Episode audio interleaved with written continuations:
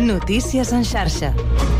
Bona tarda, són les 4, us parla Marc Ventura. El president de la Generalitat, Pere Aragonès, ha convocat per demà un Consell Executiu extraordinari per abordar els acords a què ha arribat amb el PSOE per la investidura de Pedro Sánchez, una llei d'amnistia, abordar el referèndum, el traspàs de Rodalies i l'elaboració d'un finançament singular per Catalunya l'any vinent. Situar l'any 2024 com el que ha de permetre l'assoliment d'un finançament singular per Catalunya també és molt important.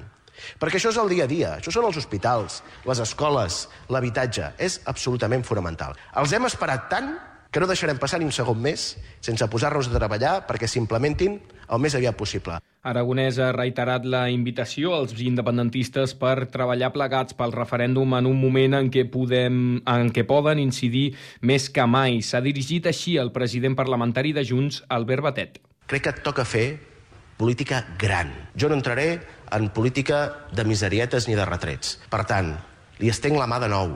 Arribem a acords, tenim la responsabilitat. Coincidim Gràcies. molt més ara que fa uns mesos. Aprofitem-ho pel bé de Catalunya. El cap de l'oposició i del PSC, Salvador Illa, ha demanat a Aragonès que governi i ha dit que, que la taula que més importa ara és el de la sequera. De fet, el conseller d'Acció Climàtica, David Mascort, ha explicat que té previst reunir-se divendres amb la ministra de Transició Ecològica, Teresa Rivera, per tal d'accelerar el projecte d'ampliació de la desalinitzadora de la Tordera, un projecte que el govern espanyol ha declarat d'interès general i que, per tant, hauria de pagar l'Estat. La sola de la Tordera, el govern central de Madrid l'ha posat com d'interès general i, per tant, l'han de fer ells. El que ha fet el govern és donar-los el projecte que està fet amb la dia aprovada perquè es posin les piles i la facin. Amb aquest context, Girona, Sal i Sarrià de Ter redueixen la pressió d'aigua i obriran dos nous pous. El cabal que surt del pastoral baixarà i això comporta fluixar la pressió a les canonades i els alcaldes fan una crida a reduir el consum. El desnonament de la veïna de 78 anys del barri gòtic de Barcelona ha quedat aturat. Hi ha hagut un acord entre les parts i es donen 15 dies per renegociar un lloguer a partir dels 1.000 euros. La llogatera assumiria la renda antiga i la resta aniria a càrrec dels serveis socials. I en, eh, en aquest context de preemergència per sequera, avui una desena d'entitats ecologistes, veïnals i socials han denunciat la mala gestió de l'aigua per part del govern. En un manifest conjunt lamenten que s'hagi declarat l'estat de preemergència per sequera al sistema Ter Llobregat. Això és tot. Fins aquí les notícies en xarxa. Notícies en xarxa. 4 i 3 minuts. Comença el Connectats.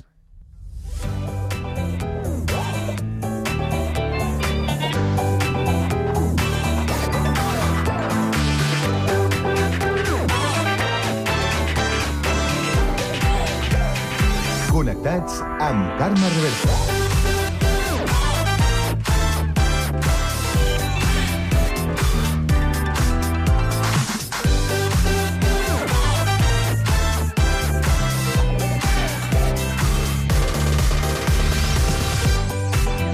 Molt bona tarda, salutacions i benvinguts un dia més al magazín de tarda de la xarxa, el Connectats de, de l'àrea metropolitana de Barcelona, aquest programa que, com bé sabeu, fem Ràdio Sant Cugat, Ràdio Sabadell, la Ràdio Municipal de Terrassa, el Prat, Ràdio, Ràdio Ciutat de Badalona i Ràdio Castellà. Una salutació de tot l'equip conduït a la part tècnica per Pablo Palenzuela i de qui us parla, Carme Reverte. Avui és dimecres, 22 de novembre, i volem saber quin temps ens espera aquesta tarda.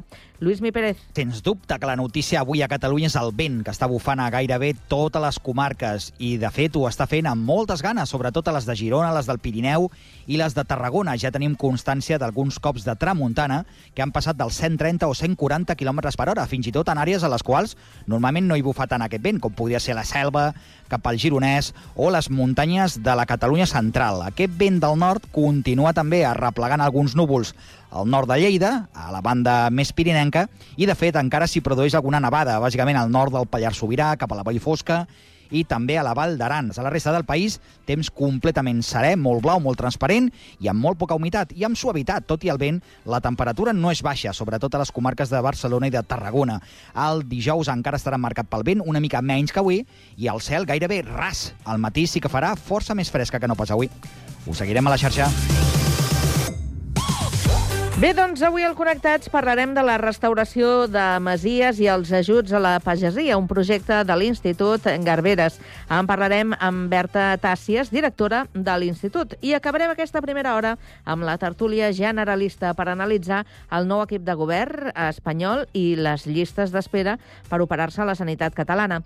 A partir de les 5 coneixerem l'escriptora sabadellenca Amanda Clark. Continuarem amb gastronomia, amb consells per als àpats de Nadal.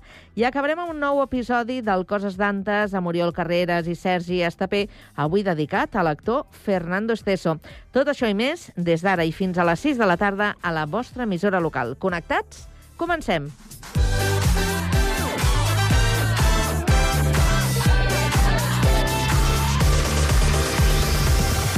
A la tarda no et desconnectis. A la teva ràdio local, connectats. Can't touch this. You can't touch this.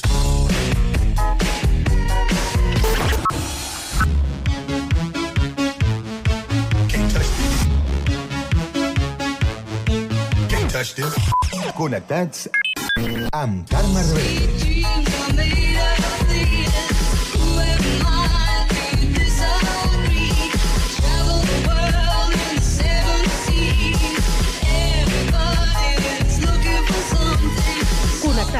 Una experiència radiofònica a Sabadell, Terrassa, Sant Cugat, El Prat, Castellà i Badalona.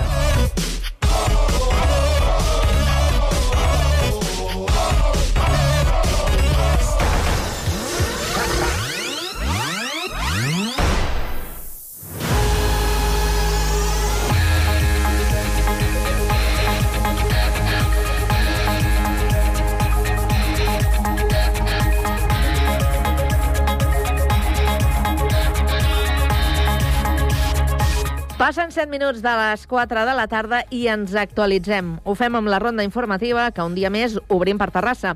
Sergi Estapé, bona tarda. Bona tarda. L'associació Cosmic Research, un grup d'investigadors de l'UPC de Terrassa que dissenya, construeix i llença coets suborbitals, és el primer escollit de la península per participar en l'Spaceport America Cup.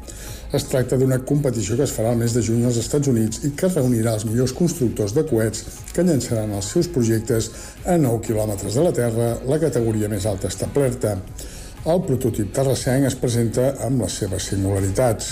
Aquest repte del grup terrassenc coincideix amb el reconeixement del govern de Dona TIC Revelació 2023, que fa poc ha rebut la coordinadora de Cosmic Research, Alba Badia. Badia és coneguda per haver llançat fa dos anys el coet supersònic Bonder, l'aparell més potent mai construït per universitaris. Un aparell de 33 quilos que va arribar als 8 quilòmetres d'altitud a 1.800 km per hora. Una passió, la de llançar coets a l'espai per a l'estudi i la investigació, que l'enginyera espera compartir algun dia amb els equips d'investigadors més reconeguts. Gràcies, Sergi. Continuem aquest repàs a l'actualitat ara des de la cocapital, la Sabadell, avui que és notícia. Pau Duran, bona tarda. Bona tarda. Les passeres de Calgrau i el molí d'en Fontanet al riu Ripoll s'han reobert avui oficialment. Els treballs de rehabilitació van acabar fa setmanes i, de fet, eren molts els vianants i ciclistes que ja les feien servir. L'Agència Catalana de l'Aigua ha fet les obres que han tingut un cost de gairebé 883.000 euros. Ara, fruit de l'acord entre l'ACA i l'Ajuntament, les dues passarel·les passen a ser de titularitat municipal. L'alcaldessa Marta Ferrés i el director de l'ACA, Samuel Reyes, han escenificat aquest matí aquest traspàs. Tots dos han coincidit que les noves estructures suposaran una nova oportunitat pel riu i pels sabadellencs, que ja en fan molt d'ús. Veieu la quantitat de gent, i això que és un dimecres al matí, al cap de setmana això es multiplica per molt, amb canalla, amb famílies que, que baixen al riu, i per tant amb aquesta idea, com bé dèiem, d'obrir la ciutat al, al riu. No? Avui estan aquí, hem vist que és bàsica pel, pel, pels habitants de, de Sabadell i segurament de la resta de municipis del voltant que fan sobretot esport, perquè hem vist molta gent en bicicleta, caminant, corrents i que van amunt i avall. És a dir, s'ha demostrat amb els 15 minuts que portem aquí que és bàsica. Les passeres van ser construïdes al 1964 i havien patit una forta degradació fruit del pas del temps. L'actuació que s'ha fet ha permès substituir el paviment i les baranes i canviar els tensors que les sostenien. Gràcies, Pau. Deixem eh, momentàniament el Vallès i anem ara fins al litoral, a Badalona. Andrea Romera, bona tarda. Bona tarda, Carme. A primera hora del matí, tots els grups d'oposició han registrat per via telemàtica la sol·licitud d'un ple extraordinari perquè el govern dels populars doni explicacions sobre les suposades irregularitats en les darreres proves d'accés al cos de la Guàrdia Urbana. Exigeixen una comissió d'investigació que esclareixi els fets i on tinguin veu els sindicats del cos policial i volen també saber per què la confecció de les proves proves no es va externalitzar. Per la seva banda, el govern assegura que donarà les explicacions necessàries sobre el procés selectiu. A la tertúlia del Badalona Matí, el primer tinent d'alcaldia, Juan Fernández, qualifica la situació d'anecdòtica i apunta que no hi ha cap mena d'irregularitat en el procés selectiu.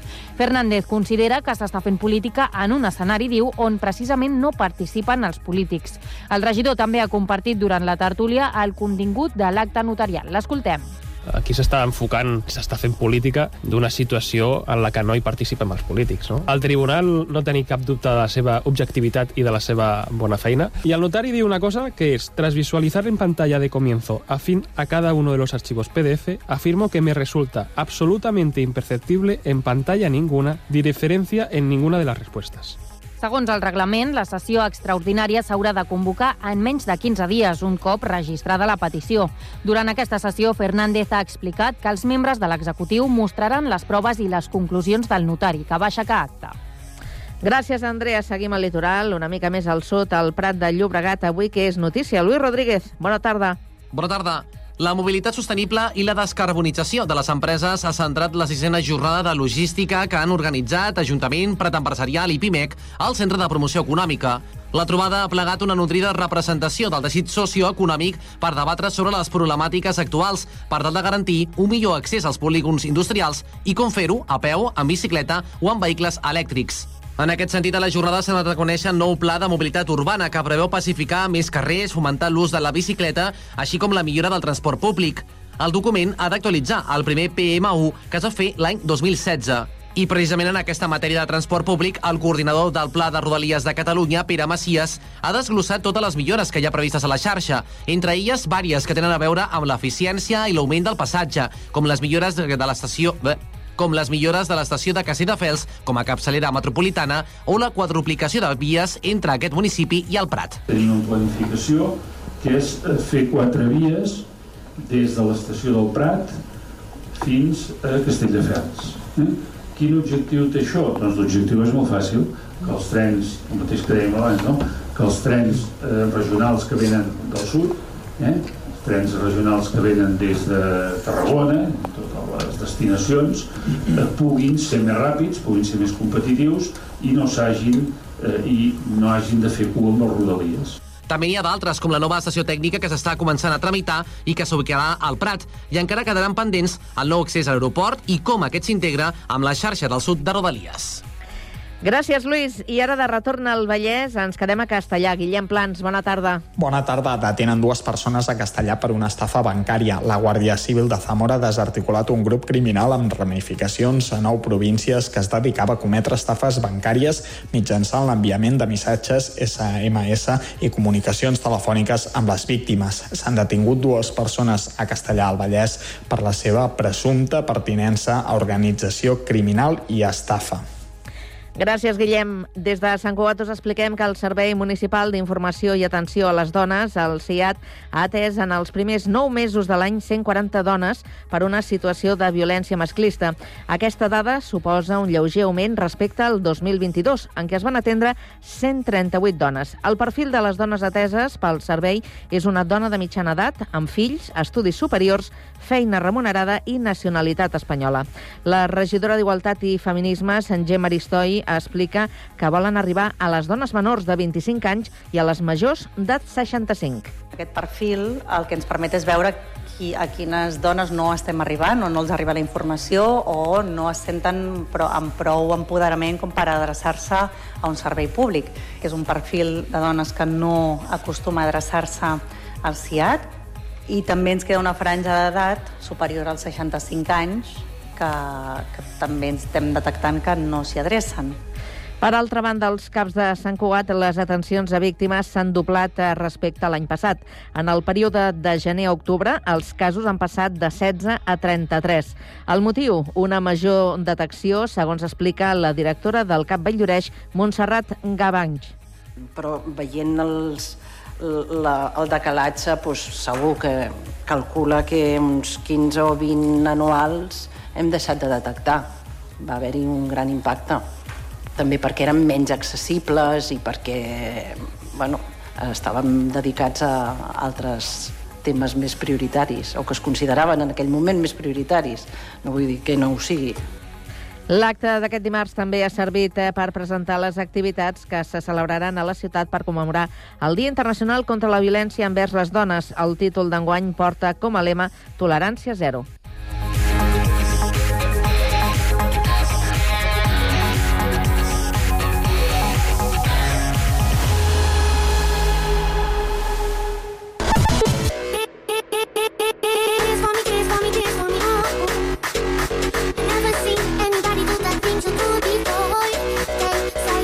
Connectats, una experiència radiofònica a Sabadell, Terrassa, Sant Cugat, El Prat, Castellà i Badalona.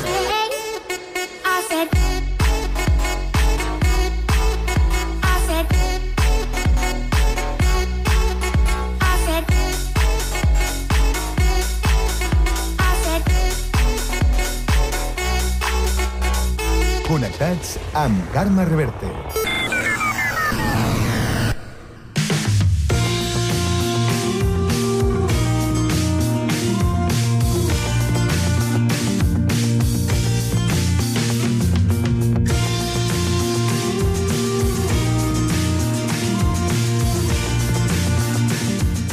La dificultat de la pagesia, l'agricultura en plena emergència climàtica i com adaptar la jardineria a la sequera. Parlem de tot això amb la directora de l'Institut eh, Les eh, Garberes, l'únic centre agrari de formació professional al Vallès Occidental. Parlem també del projecte que han iniciat per ajudar Masies. Ho fem des de Ràdio Castellà. Guillem Plans, bona tarda. Bona tarda, Carme. Doncs sí, l'Institut Les Garberes de Castellà, especialitzat en formació, jardineria i agrícola, ha engegat una campanya de micromecenatge per fer actuacions en finques pageses que ajudin a mantenir viva aquesta activitat agrària a la comarca. Tenim amb nosaltres la directora de l'Institut, la Berta Tàcies. Molt bona tarda. Hola, bona tarda. Explica'ns aquest projecte, d'on neix? A veure, aquest projecte neix d'un debat i una inquietud que tenim a l'Institut, no? donat que som molt conscients que el sector de, de l'agricultura està molt, molt, molt, molt tocat, no? Com sabeu, la pagesia està desapareixent a marxes forçades i més la, la pagesia la petita pagesia i més en una comarca com la nostra, el Vallès, no? Llavors, neix ben bé de les ganes de posar un granet de sorra en, en ajudar el sector de la pagesia. Mm. Com us podem ajudar, nosaltres? Vale, llavors la, la, la cosa es tracta que mm, nosaltres vam dir no? com, com, com podríem fer, com podríem posar un granet de sorra real, no? tal i com us dèiem. I aleshores el que vam decidir va ser, mira, doncs uh, farem, intentarem celebrar cada any el que en direm la Setmana de la Pagesia, vale? que ens servirà una mica per fer una campanya de sensibilització tant en el nostre alumnat com en la societat en general de eh, el valor de la feina que fan els pagesos ja no només a nivell d'alimentació, sinó també a nivell ambiental i de gestió del territori, de prevenció d'incendis, etc etc etc etc. no? Doncs llavors, doncs, a part d'escoltar i entendre el missatge i el per què ho fem, no? i per tant la, la part aquesta de sensibilització, doncs el que fem és eh, cada any eh, escollir una finca propera vale? posar-nos d'acord amb, amb els pagesos de la finca si, si, si volen que participar-hi i fem una planificació de tota una sèrie de mesures d'intervencions de millora d'aquesta finca i um, um, paral·lelament fem una recollida de diners per dur-les a terme. Vale? Aleshores, si en cada cas, no, aquest any és el primer any que ho fem, si aconseguim els diners necessaris en aquesta campanya de micromecenatge, podrem celebrar la Setmana de la Pagesia, amb aquests diners comprarem els materials, llogarem la maquinària, no? tot el que fa falta, i amb tot l'alumnat de l'institut anirem una setmana a la finca a fer feina. Mm. Amb la qual eh, tota la mà d'obra, diguéssim, d'aquestes intervencions de millora de la finca doncs és gratuïta, no?, perquè serem profes i alumnes de l'institut, eh, i, la, i, la, i els diners es destinaran doncs, això, no?, a comprar tot el que faci falta. Fins i tot hi ha algú que se sorprendrà que hi hagi pagesia encara castellà, però n'hi ha. Sí, molt poca, eh? Molt poca, molt poca. Estem parlant poder de tres finques tirant llarg de gent que realment visqui del sector primari a castellà, eh? Llavors hi ha altres mm, coses més mixtes, no? Però sí, sí, encara n'hi ha, però ho tenen molt difícil. Llavors eh, el tema de la sequera, no? Sembla molt redundant i molt tòpic, però és que és una cosa molt bèstia i molt greu, no?, que està passant, per exemple, en aquest primer en aquest primer any que, que farem aquest projecte, si aconseguim els diners a una finca que es diu Camp Padró, doncs realment les intervencions van destinades a l'optimització de la última gota d'aigua perquè, bueno, doncs perquè tenen molts problemes. Clar, la finca està aïllada, s'abasteix eh, d'aigua d'una mina, la casa eh, també, ja no només pel bestiar i de més, sinó la pròpia casa, i, i han tingut, tenen molts problemes d'èpoques de no tenir aigua a casa, no?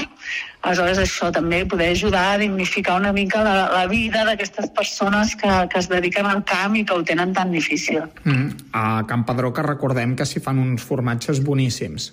Boníssims, que es diuen Roca de Cor i que a Sabadell diria que es poden comprar al Rodal. Mm. Va. Quines són les altres dues uh, masies que es dediquen plenament a la pagesia castellà? Eh, mira, a Can Sant Pere, que té una parada al mercat eh, els dissabtes, i l'Horta de Campanen, que, bueno, eh, originàriament tenien les, bueno, tenen part de les finques a, a Castellà, però ara també una part a Sabadell, però també estan al mercat els dissabtes a, a Sabadell. Mm -hmm. Tot aquest projecte, més enllà d'ajudar la pagesia, també llença un missatge formatiu i conscienciador a l'alumnat de l'Institut Les Garberes, no? Sí, sí, totalment. Eh, és això, primer que hi ha molts nois i noies que, que venen aquí a l'institut a estudiar un dels cicles que tenim, que és el cicle de grau mitjà de formació agroecològica, que al final la sortida eh, natural d'aquests nois i noies és per anar a treballar al camp, no? Vull dir que eh, també una mica no? com per lluitar pel futur dels nostres alumnes. I la resta d'alumnat del centre, que, que ve més amb, amb intencions de acabar-se dedicant a la jardineria o al paisatgisme o a la floristeria, doncs també ens serveix per, per, per això, eh? sensibilitzar-los en què eh, hi ha un sector germà, diguéssim, al que ells es volen dedicar, doncs, que ho està passant molt malament, i que des de l'Institut pensem que és un sector al que se l'ha d'ajudar perquè, no?, com a, com a, sí, com a agraïment a, al que aporta aquest sector a nivell de, de planeta i a nivell de societat. Mm. En som conscients o no d'aquests beneficis que comentes socials, ambientals i ecològics de la pagesia? Jo crec que gens, perquè si tu penses, ara generalitzant molt, no?, però tu dius, les famílies avui en dia eh, quants diners es gasten en un mòbil i quants diners estan disposats a gastar-se per un quilo de pollastre, no? Sigui, l'alimentació anem a, a, als llocs on es ven més barat i vinga, vinga, vinga, i en canvi, no, les tecnologies i tal no ens sap greu gastar-nos 500 euros per un mòbil per un fill o filla de 13 anys, no? Llavors, no, és com una distorsió de, de, de, dels valors de la societat d'avui en dia que, bueno, que ens sembla molt greu i molt trist, i, però que és així. Mm -hmm. L'Institut Les Garberes, aprofitem per parlar d'un cas únic a la comarca, on ensenyeu jardineria i agricultura. Sí, sí, sí, sí. Uh, és un petit institut de formació professional, això que fem cicles formatius d'agricultura, de, de jardineria, de paisatgisme, de floristeria, i que també fem formacions per persones professionals del sector eh, que són, llavors hi ha formacions més curtes, de 30-60 hores i, i molt temàtiques i molt tècniques, i també fem formacions per persones desocupades, mm. eh, també de, de, del mateix sector, eh, tot, tot dins del món de, de la família agrària. Clar, ara parlaves que és un món en què es, està desapareixent i no hi ha consciència. Us sentiu una mica els últims mohicans? Bueno, uh, en quant a la part d'agricultura, eh, que quedi clar això, eh, la jardineria eh, té molt futur, tenim molta inserció laboral i hi haurà molta feina en jardineria els primers anys perquè amb el canvi climàtic hi haurà un canvi de paradigma bestial i s'hauran de canviar molts enjardinaments, s'haurà d'aixecar molt paviment i plantar molta planta en els espais urbans, vull dir que en, aquest, en el sector de la jardineria doncs és, és una altra la, la realitat. ¿vale? Amb l'agricultura, doncs una mica sí, sí, sí, perquè a més a més internament dins de l'institut ens hem arribat a plantejar no? si, si tenia sentit eh, fer aquesta formació a, a nivell de castellà, no? a nivell de Vallès, si gairebé no hi ha, no hi ha sector, no? i en teoria quan fas formació professional un dels principals objectius és la inserció no? de la gent, o sigui, no? que la gent que, que es forma trobi feina. I un parell d'anys enrere doncs, vam tenir un debat bastant fort sobre el grau mitjà de producció agroecològica, però a nivell de claustre finalment es va decidir que, que no, no? Perquè, que, vull dir, que de continuar, perquè clar, al final si tothom abandona, tothom abandona, tothom abandona, pues ja sí que ja és tirar la tovallola, no? Llavors era allò, ei, doncs s'ha de seguir, s'ha de seguir lluitant fins al final perquè, perquè és molt important que la pagesia no desapareix, no desapareixi, no? Com s'adaptarà la jardineria a la sequera i al canvi climàtic? Com? Perdones? No t'he entès. Com haurem d'adaptar la jardineria a la sequera ah. i al canvi climàtic? Doncs mira, eh, aquí a l'institut tenim un, un projecte super interessant que fa 3 o 4 anys que el duem a terme, que estem fent un jardí demostratiu i experimental eh, sense rec. És a dir, estem provant plantes d'altres llocs del planeta que tinguin climes eh, mediterranis però més secs del que teòricament és el nostre i eh, les estem plantant i veient si eh, sense aigua i amb aquesta sequera bestial que estem tenint aquests últims anys, però aquestes plantes viuen i, i estan boniques, no?, també, és a dir, són, tenen un valor ornamental per fer servir en jardineria. I ens està, està sent un projecte molt exitós. Aleshores, la jardineria vindrà, o sigui, anirà cap aquí, no?, anirà de canviar les espècies i treure totes les gespes de tot arreu i, i plantar altres tipus de, de plantes perquè evidentment, o sigui, al mateix temps, amb el canvi climàtic, necessitarem verd en els espais urbans, vale? perquè ajuden a, a baixar les temperatures, refresquen l'ambient, fan ombra... Bueno, tot, tenen un munt de beneficis que, que, que, que són importantíssims. Per tant, Eh, la resposta és, jo crec, a, a canviar com les espècies i el tipus de plantes als que estem acostumats. Mm -hmm. Per tant, perdrem plantes i espècies autòctones. Podria ser que segur, passés... Segur, de forma natural, no? Diuen, diuen, diuen que d'aquí 10 anys... No, 10 anys no, però, jo què sé, d'aquí 20 o 25 anys, no, no ho sé, no? Però eh, doncs les alzines seran l'arbre de, del Regne Unit, no? Per exemple, clar, les pròpies espècies es aniran desplaçant perquè elles necessiten unes condicions. Si aquestes condicions canvien, doncs ja no podran viure aquí i s'hauran d'anar desplaçant tot. I així tenim moltes espècies autòctones mediterrànies que tenen molta resistència a la sequera, perquè el clima mediterrani ja és un clima en què de, de forma natural, diguéssim, eh, contempla dos, tres mesos d'una sequera severa. Vale? El que passa que ara estem parlant de períodes de, sec de sequera de 6 i 7 mesos. Saps? Aleshores, doncs, algunes espècies autòctones això no ho podran, no, no ho aguantaran, sí, sí. Mm -hmm. Doncs Berta Tàcies, directora de l'Institut Les Garberes, moltíssimes gràcies per atendre'ns. A vosaltres, només afegir això del goteo, eh, que podeu trobar per xarxes socials si algú vol col·laborar i estarem molt agraïts. I tant, col·laborar amb això, amb donar un cop de mà a la pagesia. Exacte, uns eurets, sí. Moltíssimes gràcies. Vale, vinga, merci.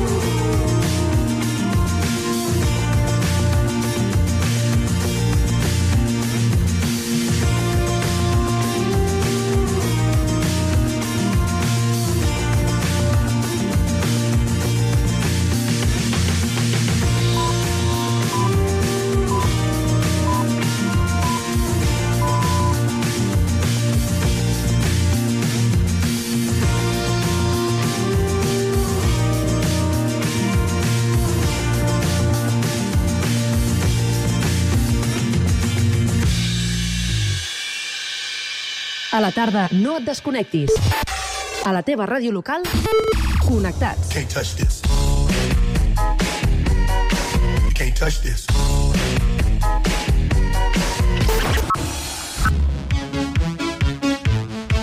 Can't touch this. Can't touch this. Connectats amb Carme Rebel.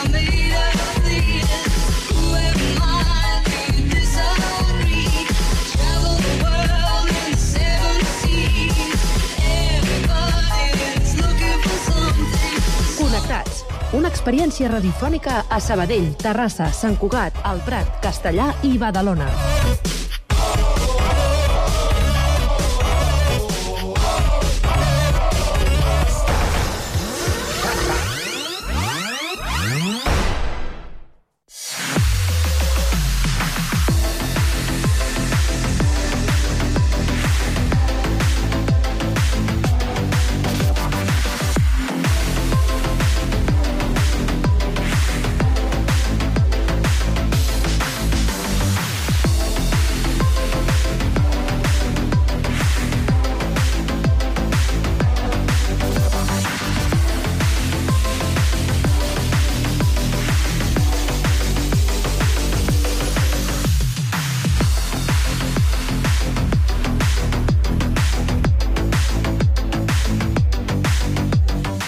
Passen dos minuts de dos quarts de cinc de la tarda i després del tema del dia continuem en aquesta primera hora del Connectats amb la tertúlia. Aquest espai d'opinió avui el compartirem amb el Joan Camps, que és escriptor i el tenim al Prat. Joan, bona tarda. Molt bona tarda. Com estàs? Molt bé, molt bé. Una mica avantats, però bueno... Ah, mira, tu, justament t'ho anava a preguntar, dic, com bufa el vent per aquí al Prat avui? Bueno, bufa, bufa. Sí, amb força? Sí. Sí?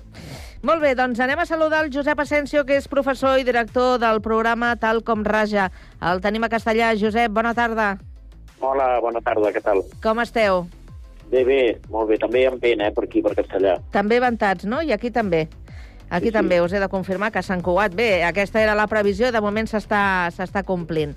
Estem a l'espera de poder entrar al tercer tertulià, que el tenim a Badalona, a l'espera de resoldre una qüestió tècnica per fer compatible que pugueu estar els tres eh, participant telefònicament a la tertúlia. Però si us sembla, podem anar avançant en la matèria de, de la tertúlia d'avui, perquè, clar, ens vam quedar eh, al llarg de, de les últimes jornades amb el debat d'investidura, amb el fet de tenir ja president del govern espanyol, però ja ho vam deixar aquí. I ara sí que m'agradaria que poguéssim parlar d'aquest nou equip de, de govern, un equip de govern amb 22 membres que formen l'executiu, nou dels quals són nous, i entre tots són 12 dones i 10 homes.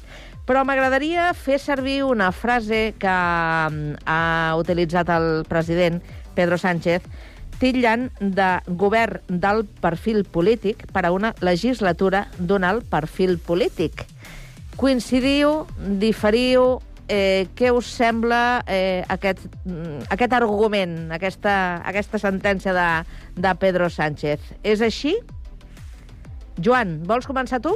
Sí, bueno, mm, perfil polític, hom- home, jo crec que podríem dir que potser és una tautologia, no?, perquè per perfil polític, tot, tots els governs eh, sortits d'unes eleccions democràtiques que mm, tenen la voluntat de eh, implementar un programa polític concret del partit guanyador, doncs eh, tenen un perfil polític. Això dels perfils tècnics, tècnics, eh, no sé, eh, estem en el món de, de l'actuació política i, per tant, jo crec que eh, és un perfil polític, jo diria com la major part de to, dels governs que hi ha hagut, eh, no sé, que passi com a Itàlia, no?, que van treure el primer ministre i la Unió Europea va posar un perfil que en diuen tècnic, que darrere d'un tècnic sempre també, sobretot en el món de la política, hi ha un interès polític, no? O sigui que al final tot queda reduït a que tot és polític, no?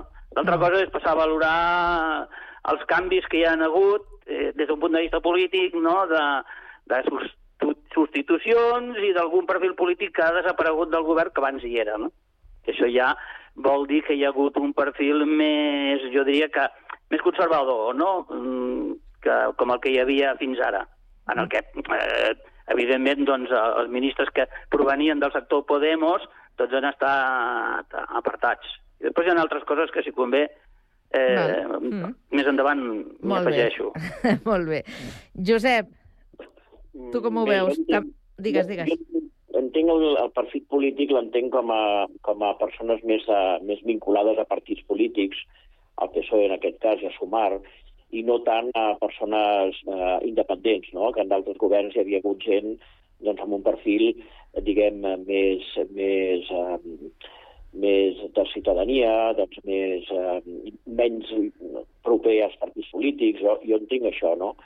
Sí que és cert que bueno, és una incògnita tots aquests, eh, aquestes persones que entren noves, perquè no tenen no han tingut una, una experiència de gestió, però sí que és veritat que han estat gent molt potent allà, allà on, on han treballat, on han exercit la seva feina. Exacte. Parlo, per exemple, de l'Ernest Urtasun, que ha fet una feina, una feina increïble, potser no gaire valorada o no gaire, o no gaire coneguda, al Parlament Europeu, no? Eh, potser és més conegut el paper eh, d'enfrontament total amb la, amb la presidenta de la Comunitat Autònoma de Madrid, la Mònica Garcia, que també Mm. eh, ja ho veurem, no? perquè és molt fàcil de la, des de l'oposició, eh, bueno, fàcil entre cometes, ja m'enteneu, doncs, eh, criticar la, la tasca de, de, dels que governen, i ara veurem si ella serà capaç, eh, des de les àrees blanques que ella prové de tot això, doncs si és capaç de, de posar en marxa el que, el que ella, ella volia no? i el que ella criticava des de l'oposició. Això ja està per veure, perquè, a més a més, les competències de sanitat eh, estan traspassades eh, gairebé al 100% a les comunitats autònomes. No? També és, eh, és un perfil que, que ja veurem. No? Eh, després jo ressalto només dues coses més. La primera, doncs la- la- l'aposta clara, malgrat el rebuig de molta gent, del Gran de Marlaska, eh, que Sí. aquest continua, que tothom pensava que aquest seria un que estaria fora, per tant, mostra una mica que, que o no té ningú més o que és una, un perfil d'una persona que, que coneix ben bé la feina que està fent. I per últim, el, el superministre Félix Bolaños, Mm. doncs, eh, que jo crec que guanya, guanya punts amb la seva...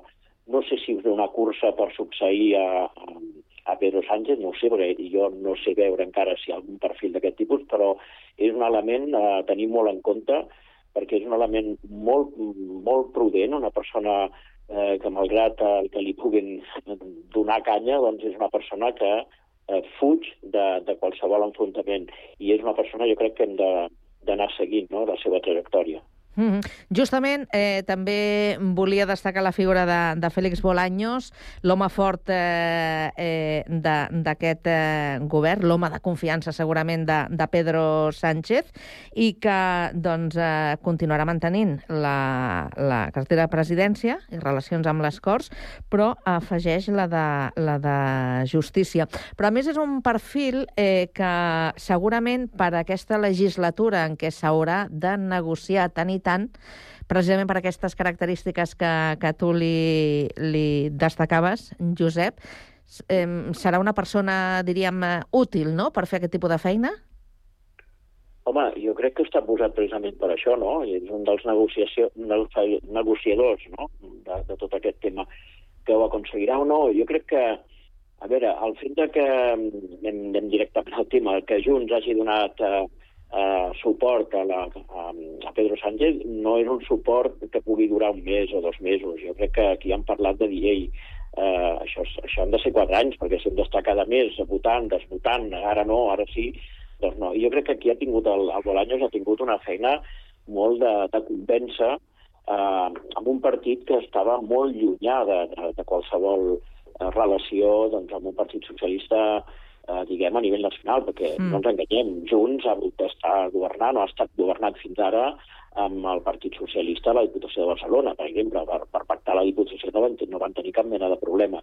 Potser ha estat el PSOE eh, nacional el que eh, bé, és aquell que aquesta gent recorda que és el del 155 i ni oblit ni perdó i tot això. Per això jo crec que la figura del Bolaños eh, fent seure eh, negociadors de Junts per, per, per bueno, no sé, jo crec les, les, eh, les coses internes de la reunió no les sabrem mai, no? Però amb aquest, jo, jo el que penso és que en algun moment els dit, mireu el que hi ha al davant, mireu el que hi ha al davant, senyor Puigdemont i companyia. Voleu això?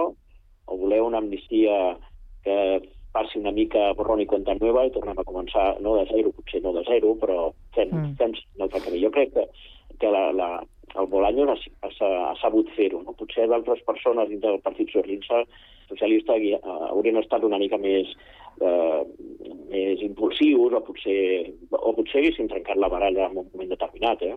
Mhm. No sé si Bueno. abans, el Joan, quan tu apuntaves que tenies més coses a afegir, no sé si entre aquestes qüestions tens eh, la, la, quota que, la, la quota que se li ha atorgat al PSC. Eh, bueno, mm, aquesta seria una, mm, diríem que no li correspon en funció dels resultats electorals que eh, ha tingut a Catalunya, precisament el PSC, quan ha passat de dos ministres només a un, no? Mm. Però jo crec que això, mm, vist el paper que fan els ministres catalans, eh, eh, és relatiu. Jo el que destacaria precisament és la marxa, i ara faré un perfil més local, no?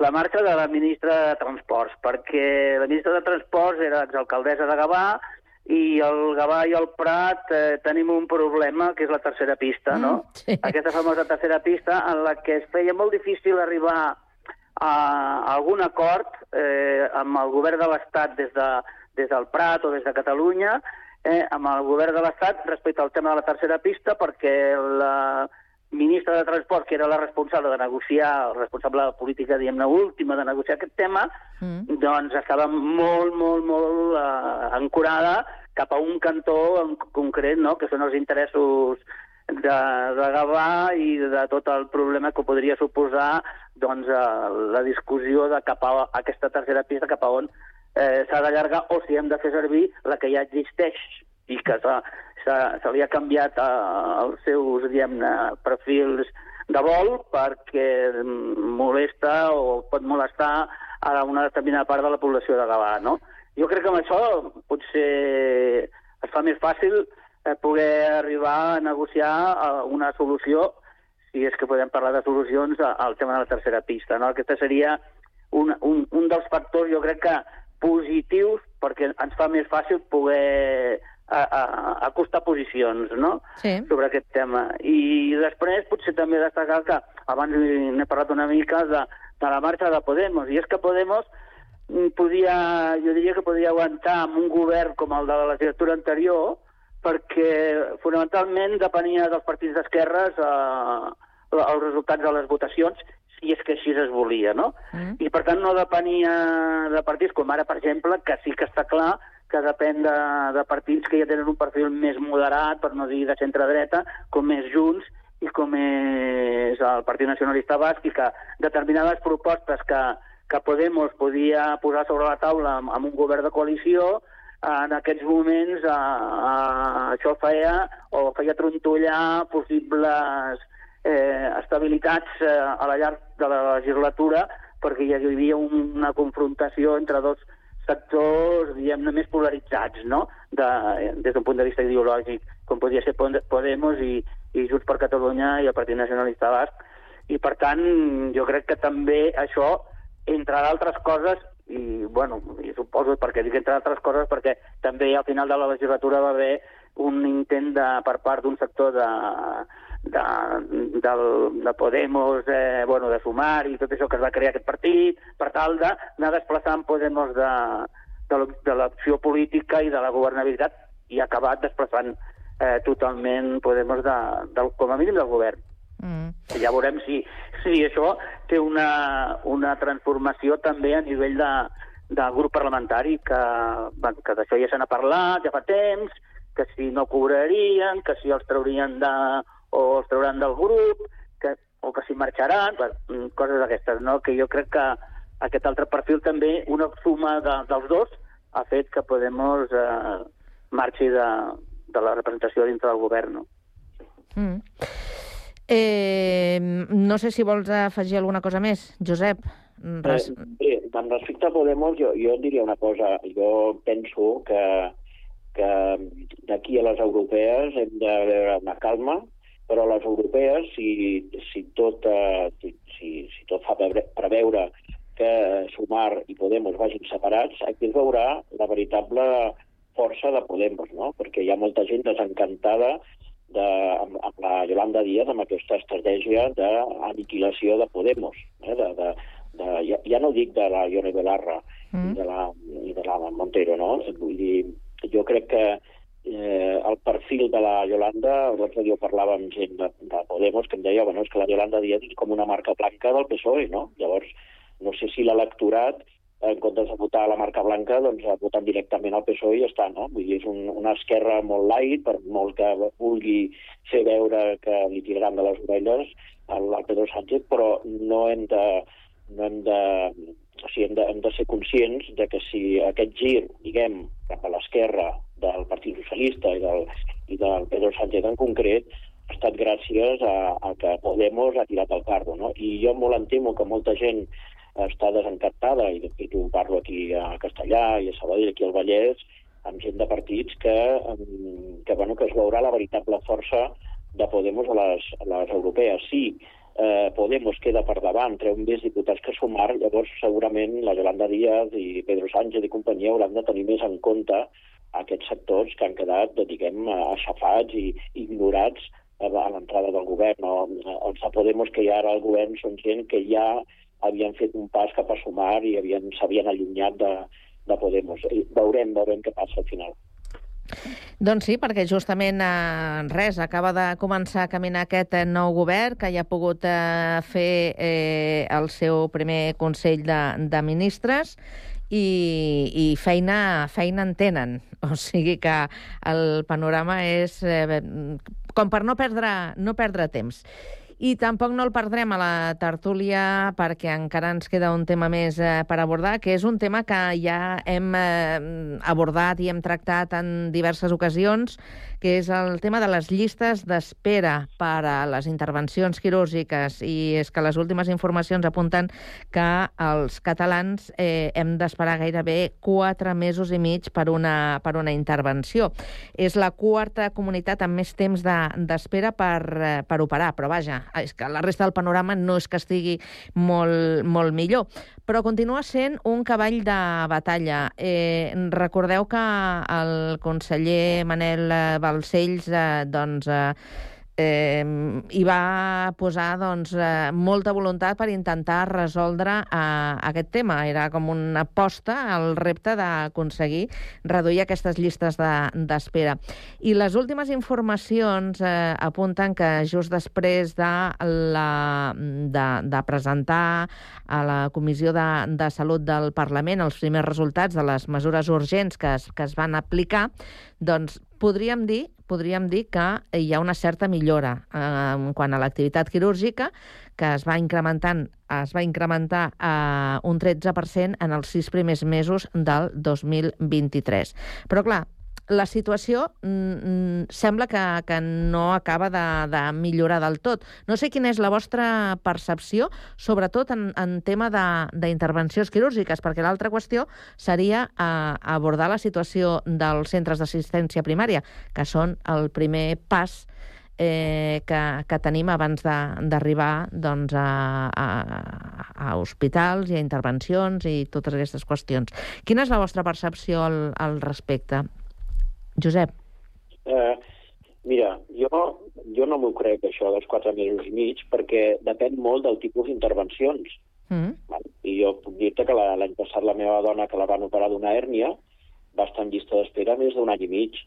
Val? Per tant, no és cert quatre mesos i mig. És possible que quatre mesos i mig siguin en intervencions més urgents, aquestes que no poden esperar i que passen per davant d'altres que no són tan urgents, no? Eh, bueno, la urgència la, dictamina un metge al final, no? Mm. Però per, per, per una pròtesi de, de genoll, per exemple, conec gent que ha estat Un eh, any. pagant un any. Sí. Vull dir que eh, no sé d'on se surt, d'on surt aquesta xifra de 4 mesos i mig, a lo millor és de mitjana, però ja sabem que les mitjanes són el que són, són mitjanes i per tant no són certes, no? En certa Eh. manera. Són dades de, del Ministeri de Sanitat, eh? I que es comparen amb, amb altres eh, comunitats. Mm, Però vaja, que, que està bé contrastar la realitat amb aquestes dades. La realitat és doncs, el, que, el que coneixem no? del nostre voltant, del nostre, del nostre dia a dia, i efectivament, com tu apuntes, hi ha llistes de- d'espera de, de més de, de 4 mesos.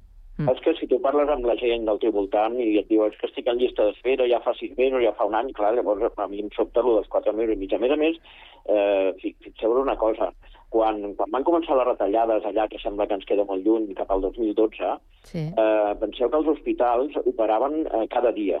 Vale? Després van venir les, ret- les retallades i van anar tancant així tal qual, perquè tinc amics metges a l'Hospital de Terrassa i m'ho deien, diu, la Generalitat ens obliga a precintar els, eh, els quiròfans, no? I per tant, eh, de, de tota la setmana operant, eh, es va passar a operar dos dies a la setmana. Això no s'ha revertit. Vale? I mentre no s'operi cada dia, eh, llavors això continuarà. No s'ha revertit, és a dir, potser anem millorant una mica, però els, els, eh, els quiròfans continuen tancats uns quants dies a la setmana. Clar, això és impossible, llavors impos que tothom pugui, que això dels quatre mesos i mig o el que sigui. Malauradament, encara no hi ha hagut una, una reversió total de, de, tot el, de totes les retallades que van haver fa ja 10 anys. Mm -hmm. Com ho veus tu, Joan? Pues mira, que, que aquest és un tema bastant complex i diguem-ne que bastant crònic, no? Dir que portem, portem...